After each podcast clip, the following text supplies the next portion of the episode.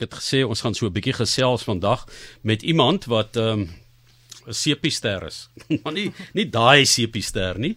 Dis Sebastian Peppler wat hier by my kuier in die ateljee en ehm um, sy het hier in die inperkingstydperk het sy 'n paar dinge gedoen wat verrassende uitkomste opgelewer het. Sy het een van die top sepe in Suid-Afrika gemaak. Ek het net gewees geweet daar is sulke kompetisies of sulke toekenninge nie. Sebastian, baie welkom hierso by ons. Dit is lekker om jou in die ateljee te hê. Dis lekker om hier te wees, Johan, baie dankie. Wat is die storie van die sepie dat jy nou 'n sepiester is? Wel, dis 'n baie lang storie om mee te begin. Ek dink eerstens is dit belangrik om te weet dat ek 'n grimeer kunstenaar is en al vir 20 jaar is dit my werk om mense onmiddellik te transformeer in die beste, jy weet, wense van hulle self en kamera reg te maak onmiddellik. So dit is wat ek moes doen met my produkte. En lockdown het dit net soveel vinniger laat gebeur. Jy het met ander woorde vir meer as 2 dekades in mense se gesigte vasgekyk. Jy het in velle vasgekyk. Jy het gesien hoe party mense lyk, like, hoe hulle nie moet lyk like nie, hoe ander lyk, like, hoe party mense beter lyk like as wat jy gedink het hulle gaan lyk. Ehm um, so wanneer jy gewerk het aan mense, kon jy voel dat jy weet mense dink nou net aan mense vel eh, in die algemeen, maar dat elke individu jy weet individueel verskil wat hulle velle betref. Weet jy, ek dink dit is so 'n persoonlike ding want ek dink die vel is ons grootste lewende orgaan en mense dink nooit so daaraan nie en hulle you know they kind of take it for granted. En dit is iets wat die mees belangrikste ek dink, ehm um, deel is van om jou beter te laat lyk. Jy kan jonger lyk, jy kan ouer lyk, jy kan goed versorg lyk en jy kan sleg versorg lyk en dit kan jy alles op jou vel sien. Jou lewenstyl kan jy op jou vel sien. Alles kan jy op jouself op jou vel sien. As jy nie daarna kyk nie, dan gaan dit daar wys.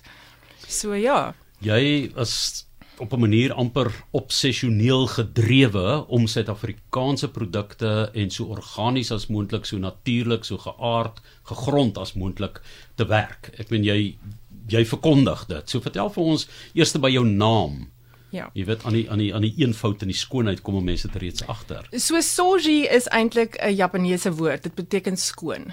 En ek het ge, geneem van die Japaneese ehm um, kultuur die hele wabi-sabi effek wat ek wou gehad het daar is skoonheid in die eenvoudigheid van dinge. En dit is wat ek in my velsorg reeks sou gehad het. Ek wou gehad het dit moet 'n uh, baie eenvoudige reeks wees wat jy kan gebruik met ander produkte. Ek wil nie een van daai daai huise wees wat sê jy moet net ons reeks gebruik nie. Ek wil hê jy moet dit met el, jou al jou ander elke dag se produkte kan gebruik. So dit is waar dit vandaan kom. En toe ek begin het, ek was verskriklik naïef geweest en baie baie um op op jy weet excited geweest want ek wou net goedjies maak.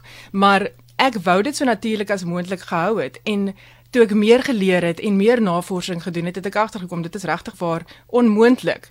So ek sê ek is trots Suid-Afrikaans want ek maak staat op boerderye wat in Suid-Afrika is. Ek probeer die meeste van my bestanddele in Suid-Afrika kry en ek probeer ook my ehm um, die meeste van my packaging in Suid-Afrika kry. Maar die die jy weet realiteit is baie dinge word steeds ingevoer. Al gebruik jy ehm um, plaaslike klein besighede om dit te kry. En jy probeer so natuurlik as moontlik ook werk met die middele wat jy gebruik in jou reeks. So ek wil daarby uitkom, ehm um, die Amerikaners is nogal streng met hulle wetgewing in terme van voorskriftelikheid wat jy op die die produk wat jy het mag plaas en nie as ek nou vir jou sê dis organies. Ja. Hoe ek meen wat beteken dit? Is alles organies? Hoe is haar kategorieë? Hoe werk dit? So dit is een van die mees kontroversiële topics op aarde daai. Ehm um, Amerika is eintlik een van die mees ongereguleerde ehm um, lande wat bestanddele ehm um, benader. Maar ehm um, baie stiptelik op wat jy op jou packaging mag sit. So jy mag niks claim wat jy nie kan bewys nie. Ehm um, in Suid-Afrika is dit is dit ek meen ek probeer verseker sê ek is organies en ek is so natuurlik soos wat ek kom, maar die realiteit is die boerdery waar ek my loofas kry, besproei een keer 'n jaar en dus sit ek nie organically grown loofas op my op my seep nie. Ek sê natuurlik gegroeide loofas want ek wil so transparant as moontlik wees, jy weet. Goed en en en en dan uh, ehm uh, um, as jy nou na Amerika toe gaan sal hulle sê 100% organies of net organies dan sê moet jy 70% hê, maar as jy organiese produkte gebruik as deel van die bestanddele, dan mag jy dit aandui. Jy né? mag dit aandui. Ek kan ek kan definitief sê ek is 'n natuurlike produk en ek kan definitief sê ek is 'n organiese produk, maar ek is definitief nie 100% organies of 100% um, natuurlik nie. En ek dink baie mense sit dit op hulle op hulle packaging want dit is fantasties vir PR en dit is fantasties vir vir enige ander publisiteit en en advertensie, maar 'n mens moet 'n klein bietjie meer navorsing doen voordat jy so ietsie sal koop en net aanvaar. Ja, ek ek dink hulle sê as jy 95% het, dan mag jy Ja. vir jouself 100% gee. Ja. Ja ja. Mense kon ek kon dit op skool Jy doen. moet ook onthou Johan, natuurlik beteken verskillende dinge vir verskillende mense. So ek gaan dit ongelukkig in Engels sê. You get nature identical, you get natural and you get natural derived. So jy jy kan 'n uh, 'n produk kry wat sê net maar koud ge, ge cold press olive oil. Dit is 'n natuurlike produk want dit is dit is wat dit is. Maar sonnebloemolie moet deur 'n proses gaan. So dit is nat naturally derived waar jy sê nou maar uh wat kan ek sê? Ek het uh in my nuwe face wash wat ek uitbring het ek 'n uh, 'n surfactant, die ding wat die skuim maak, wat jou essentially skoon maak, het ehm um, kom van kokonaolie af. Maar dit is nie 'n natuurlike ding wat jy kan kry in die natuur nie. Dit moet nog steeds gemaak word. So dit is nature identical but it's not jy verstaan, so Ja. dit is verstaan van 'n verskillende goeders vir verskillende mense. Ja, preservering gaan altyd 'n uitdaging bly want jy wil nie swamme hê en bakterieë wat broei en so nie. Natuurlijk. En daar is mos nou al sulke goed, maar ek dink is paraben wat jy uitgeskakel het Ja, wat eintlik die esters is en wat in 'n laboratorium vervaardig Ja, word. ja, So ja. hoe wat sit jy dan in die plek daarvan? So ek het nog steeds 'n preserveermiddel, die een wat so naaste aan moontlik aan aan natuurlik is, maar nog steeds die beste gaan wees teen ehm um, muf en yeast en ehm um, weet jy ander ander ander goeters wat nasties is wat ons nie op ons velle wil hê nie en dit preserveer ons goeters baie goed en 90% van die preserveermiddels wat jy daar buite gaan kry het sertifikate om te bewys dat dit werk. So ehm um, ja, hulle is EcoCert preservative, so dit kan gebruik word vir natuurlike skoonheidsprodukte. Jy weet ons het nou so tussen al die Franse uitsprake en die internasionale uitsprake met ehm um, Schulich en met ehm um, Schwantek en sulke name wat jy anders spel en so het jy nou besluit op 'n Japaneese naam, Soshi, Soji. Soji Ja. En Wat baie snaaks is ook want ek het baie van die um Indian community wat ook terugkom na my toe want soji is blykbaar ook 'n baie lekker uh, pudding in Indië. o, okay, en so en en Sochi is Sochi, ja. is in Rusland Ja. waar hulle die winter olimpiese spele gehou het. Jy weet so ons ons net nie te mekaar raak nie, ook nie met die bestanddele nie. Ons het nog nie gepraat oor jou sepie nie. Ja, Kom maar, vertel my van daai prys. dit is dit is die 'n uh, 'n uh, 'n local magazine wat ons hier so dit is hulle hulle jaarlikse beauty awards. So jy kan jou produkte instuur en dit is groot huise.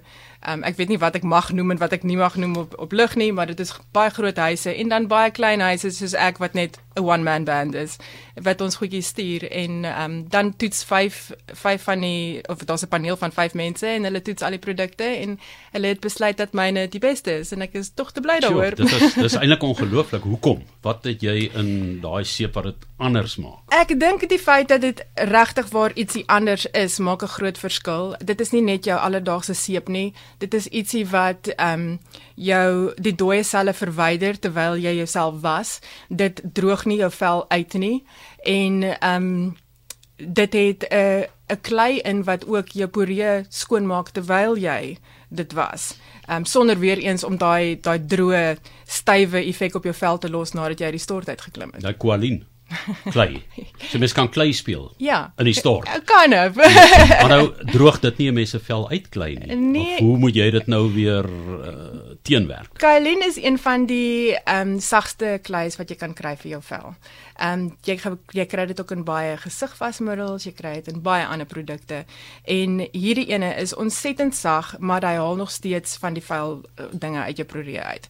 Ehm um, die hoeveel ek dink dit is ook waar die die tipe wetenskap moet inkom is om te weet hoeveel van een bestanddeel om te gebruik in elke ehm um, produk. En ek dink die hoeveelheid kaolien klei wat ek gebruik in my seep is is minuscule en dit doen net die regte hoeveelheid om om te doen wat ek sê dit gaan doen.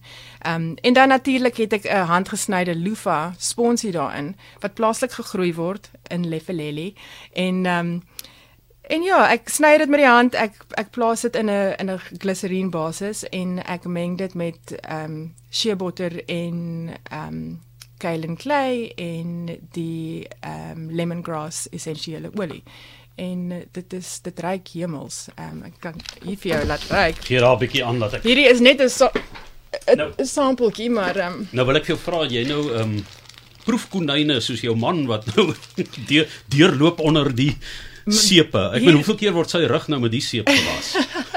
Wel ek sal nie weet nie want ek was nie sy rug. nee, weet jy wat? Ehm um, dit is jo. dit is my man se gunsteling seep op die hele aarde daai. Ehm um, hy smeek vir my vir een van daai seepies. Maar ehm um, elke produk wat wat ek maak gaan deur 'n baie lang toetsproses. Ehm um, ek het nou my gesig was poeier wat ek nou hooplik die einde van die maand uitbring, is nou al vir amper 'n jaar in produksie. En as jy 'n room maak, moet dit 'n stabiliteits ehm um, toetse gaan vir amper 3-4 maande afhangende van en dan as so jy weet veranderinge gemaak, is dit nog 3-4 maande. En omdat ons nie, wel ek persoonlik, ek dink ek is die enigste persoon wat nie staat maak van op 'n lab om 'n laboratorium om dit te te maak nie. Ek maak alles met die hand self. So ehm um, dit vat tyd en ek dink dit is hoekom dit soveel meer spesiaal is want dit is regtig vir 'n artisan produk. Is julle in julle gesin redelik wil kan presies wetenskaplik ingestel, laboratoriumagtig? Uh, wel, ek is 'n ek is 'n kunstenaar. But saying that Michelangelo was as well. um my man is 'n ag is wel hy is baie kunstig, maar hy is hy is 'n um 'n wetenskaplike. Um so hy doen ek meen of hy nou wil of nie, hy help my met my navorsing en hy hy moet altyd my formules deurkyk vir my en seker maak alles is 100% reg, weer eens of hy nou wil of nie. So ja, ek ek sal nie sê ek is nie, maar hy is verseker, ja. Ja, Sebastian, ehm um, veganisme lê jou ook na aan die hart, ook met die vervaardiging met die produkte. Ehm um, hoe moeilik is dit om jy weet 'n seep te maak wat ehm um, al die vegan mense nou sal beïndruk? Weet jy Nie net seepie, dis ander goed wat jy ook doen. Um, ja, ja, ja, ja. Ehm um, ek gaan met jou baie eerlik wees, om um, om veganisme is nie vir my na in my hart nie. Ek kan nie sonder vleis doen nie. Ehm um, almal wat my ken sal dit ook kan sê, maar ek besef dat dit belangrik is vir baie mense en ek probeer so veel mense ehm um, aan my produk blootstel as moontlik.